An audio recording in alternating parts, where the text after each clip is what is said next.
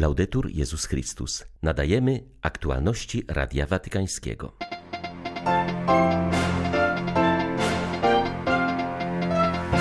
Tygodniki katolickie to miejsce formacji i świadectwa, przypomniał papież na audiencji dla włoskich dziennikarzy.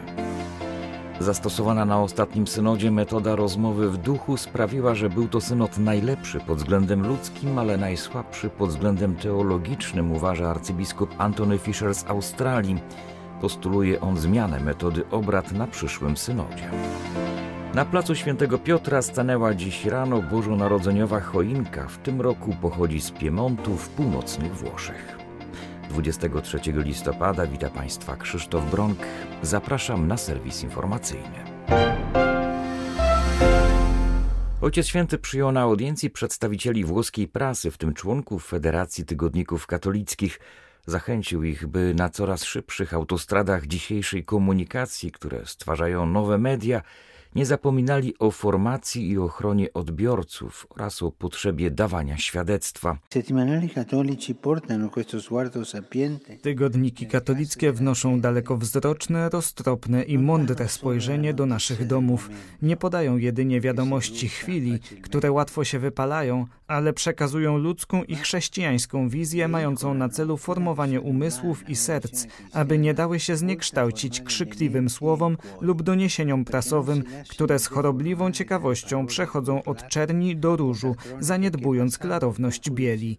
Waszym powołaniem jest przypominanie nam w prostym i zrozumiałym stylu, że poza newsami i doniesieniami zawsze istnieją uczucia, historie, ludzie z krwi i kości, których należy szanować tak, jakby byli naszymi krewnymi. Komunikacja to kształtowanie człowieka, komunikacja to formowanie społeczeństwa. Nie porzucajcie ścieżki edukacji, zaprowadzi was daleko.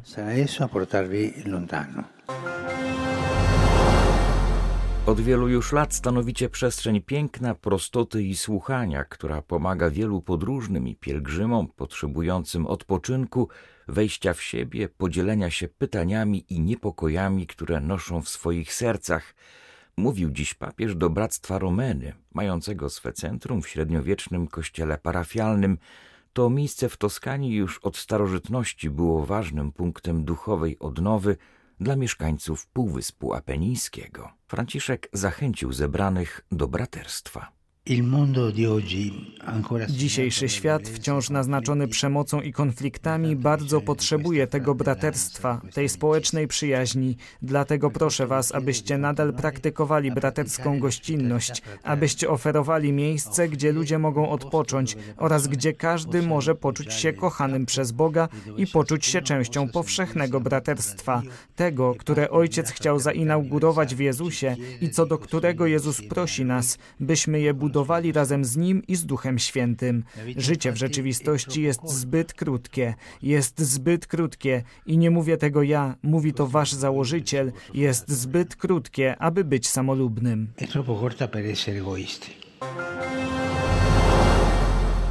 Głębokie słuchanie siebie nawzajem nie zawsze pomaga w odkryciu tego, co jest prawdziwe i słuszne. Jak powiedział mi pewien wybitny teolog spośród wielu synodów, w których uczestniczył, ten był po ludzku najlepszy, ale teologicznie najsłabszy. Pisze arcybiskup Antony Fischer w liście pasterskim podsumowującym jego udział w synodzie o synodalności. Uczestniczył w nim jako przedstawiciel kościoła w Australii, a zarazem członek Rady Synodu.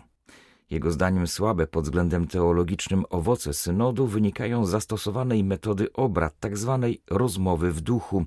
Zabrakło też miejsca na poważną debatę. Tylko dwie trzecie uczestników miało możliwość zabrania głosu. Sugeruje więc, by na przyszłym synodzie zastosowano jednak inną metodę obrad. Dominikański arcybiskup przypomina, że rozmowy w duchu wymyślili kilkadziesiąt lat temu kanadyjscy jezuici. Metoda ta kładzie nacisk na słuchanie i zrozumienie siebie nawzajem przed rozwiązaniem jakichkolwiek problemów. Pomaga ona obniżyć temperaturę obrad w kontrowersyjnych kwestiach, nie zapewnia jednak jasności teologicznej. Solidna teologia tymczasem zawsze musi stawiać pytanie: to może brzmieć dobrze, ale czy to prawda, pisze metropolita Sydney. Przypomina też jasne wytyczne świętego Ignacego Loyoli, który zastrzegał, że nie wszystko może być przedmiotem rozeznawania. Jeśli coś jest grzechem, to nie rozeznajesz, czy masz go popełnić. Rozeznaniu podlegają tylko dobre rzeczy. Arcybiskup Fischer przypomina, że podczas synodu stale podkreślano znaczenie Ducha Świętego. Rodziły się też jednak pytania, jak możemy być pewni, że rzeczywiście słuchamy Ducha Świętego. Dlatego trzeba pamiętać, że Duch Święty mówi rzeczy zgodne z tym, co powiedział Chrystus. Australijski arcybiskup zauważa, że jednym z podstawowych tematów synodu była relacja między miłością i prawdą. Kościół musi być otwarty na wszystkich, ale wzywać też do nawrócenia: idź i nie grzesz więcej. Musimy uznać rzeczywistość grzechu i jego niszczycielskie skutki, świadomi potrzeby szukania bezgranicznego Bożego miłosierdzia i przebaczenia, pisze w swym liście na temat synodu metropolita Sydney. Niemieccy biskupi są przekonani, że ochrona życia nienarodzonych powinna być nadal chroniona przez prawo karne. Planowana przez niemiecki rząd regulacja poza kodeksem karnym nie gwarantowałaby w wystarczającym stopniu wymaganej konstytucyjnie ochrony życia poczętego. Czytamy w ośmiostronicowym oświadczeniu niemieckiego episkopatu, przygotowanym pod zaczynające się dziś na ten temat w niemieckim parlamencie obrady. Biskupi wyjaśniają w nim, że prawo kobiety ciężarnej do samostanowienia jest słusznie podkreślane w aktualnej debacie. Życie nienarodzone może być bowiem chronione tylko razem z kobietą, ale, zaznaczają biskupi, także Federalny Trybunał Konstytucyjny wielokrotnie wzywał do takiej samej ochrony życia nienarodzonego. Dalej piszą oni, życie prenatalne jest od samego początku życiem indywidualnym, które zgodnie z chrześcijańskim poglądem ma prawo do takiej samej ochrony swojego życia i do takiej samej godności. Niemieccy biskupi są zaniepokojeni, że planowana regulacja poza kodeksem karnym porzuci ochronę życia nienarodzonego. Według nich nie jest także oczywiste, że sytuacja prawna i faktyczna ciężarnych kobiet ulegnie poprawie w wyniku usunięcia odpowiedniego paragrafu z kodeksu karnego. Poprawa sytuacji kobiet w niechcianej ciąży wymagałaby raczej innych wysiłków ze strony społeczeństwa i państwa opiekuńczego. Ponadto biskupi wzywają do uwzględnienia w debacie, w jaki sposób mogą być lepiej chronione nienarodzone dzieci, u których zdiagnozowano niepełnosprawność. Oświadczenie skierowane jest do rozpoczynającej dzisiaj pracę parlamentarnej komisji ekspertów powołanej przez niemiecki rząd. Ma ona wyjaśnić, czy, a jeśli tak, to pod jakimi warunkami możliwa jest regulacja aborcji poza kodeksem karnym. Obecnie według niemieckiego kodeksu karnego aborcja jest nielegalna. Pozostaje ona jednak niekaralna, jeśli zostanie przeprowadzona w ciągu pierwszych 12 tygodni ciąży. Wszystkie Wszystkie partie rządzące w swoich programach wyborczych zapowiedziały liberalizację niemieckiej ustawy aborcyjnej. Dla Radia Watykańskiego z Berlina Tomasz Kycie. Dziś rano na placu Świętego Piotra stanęła bożonarodzeniowa choinka. 28-metrowa srebrna jodła pochodzi z piemonckiej gminy Makra w prowincji Cuneo w północnych Włoszech. Jej drewno będzie wykorzystane do produkcji zabawek, które zostaną przekazane Caritas. Transport choinki wyruszył do Rzymu już we wtorek. Prezydent Piemontu Alberto Cirio wyjaśnił, że w jego regionie drzewa są ważne i nie wycina się ich przypadkowo.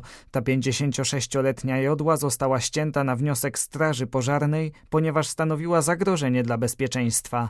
Obok choinki stanie na placu Świętego Piotra szopka, która w tym roku będzie nawiązywać do 800-lecia pierwszej bożonarodzeniowej inscenizacji, którą 25 grudnia 1223 roku przygotował w Greccio święty Franciszek z Asyżu.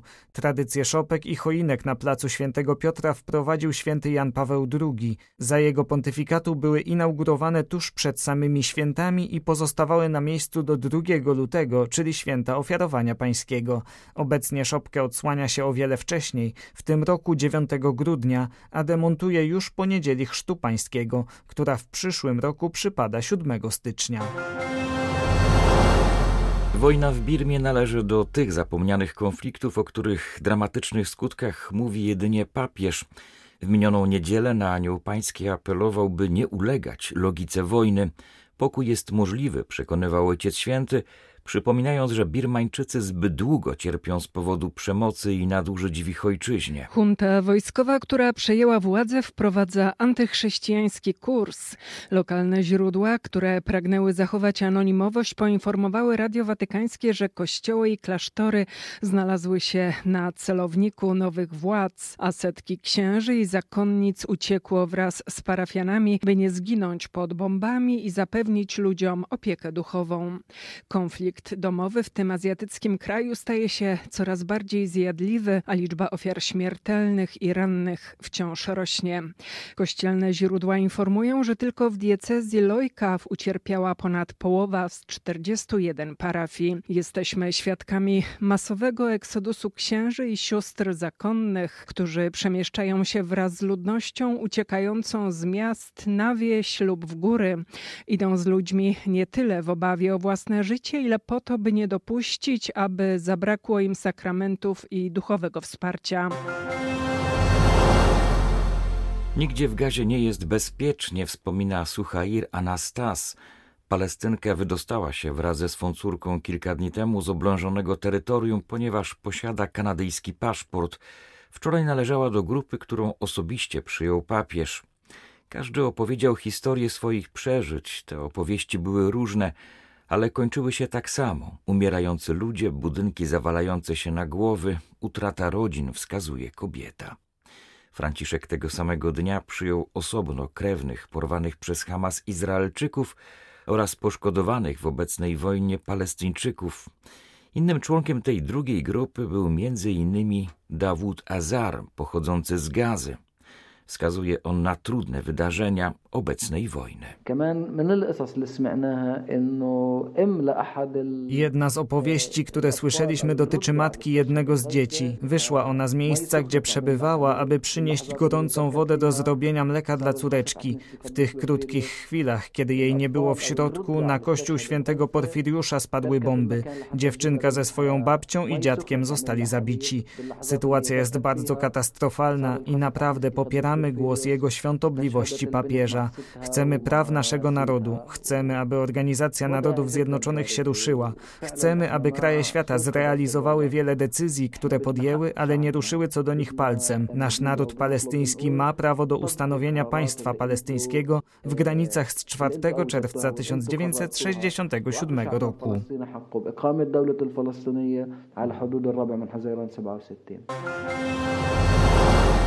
Bezpieczeństwo Kościoła bierze się stąd, że potrafi rozpoznać momenty, kiedy Pan nas nawiedza. Bezpieczeństwa nie zapewnią wysokie mury i zamknięte bramy, powiedział kardynał Grzegorz Ryś na mszy przy grobie świętego Jana Pawła II, tradycyjnie gromadzącej Polaków w każdy czwartkowy poranek w Bazylice Świętego Piotra. Kardynał Ryś przybył do Rzymu, aby objąć przydzielony mu przez papieża kościół tytularny. Uroczystość miała miejsce wczoraj wieczorem. Po jej zakończeniu kardynał Ryś podzielił się wrażeniami z papieską rozgłośnią. Pierwsze, co mnie ucieszyło, jak się dowiedziałem, jaki kościół Ojciec Święty mi przeznaczył, to wezwanie Cyryla i Metodego. To są święci bardzo mi bliscy i to niekoniecznie dlatego, że kiedyś miałem katedrę historii Kościoła Średniowiecznego, tylko dlatego, że to są wielcy patroni jedności Kościoła. To są ostatni świadkowie Kościoła jeszcze niepodzielonego, ale tacy, którzy już wiele ucierpieli dla zachowania tej jedności. Zwłaszcza metody, bo Cyryl miał szczęście i umarł wcześniej, ale metody cierpiał bardzo dużo od duchownych, tym biskupów, którzy nie rozumieli, że jedność nie jest tożsama z jednolitością. I ta lekcja, którą oni dają, jest lekcją niesłychanie ważną dzisiaj dla Kościoła. Były to aktualności Radia Watykańskiego. Laudetur Jezus Chrystus.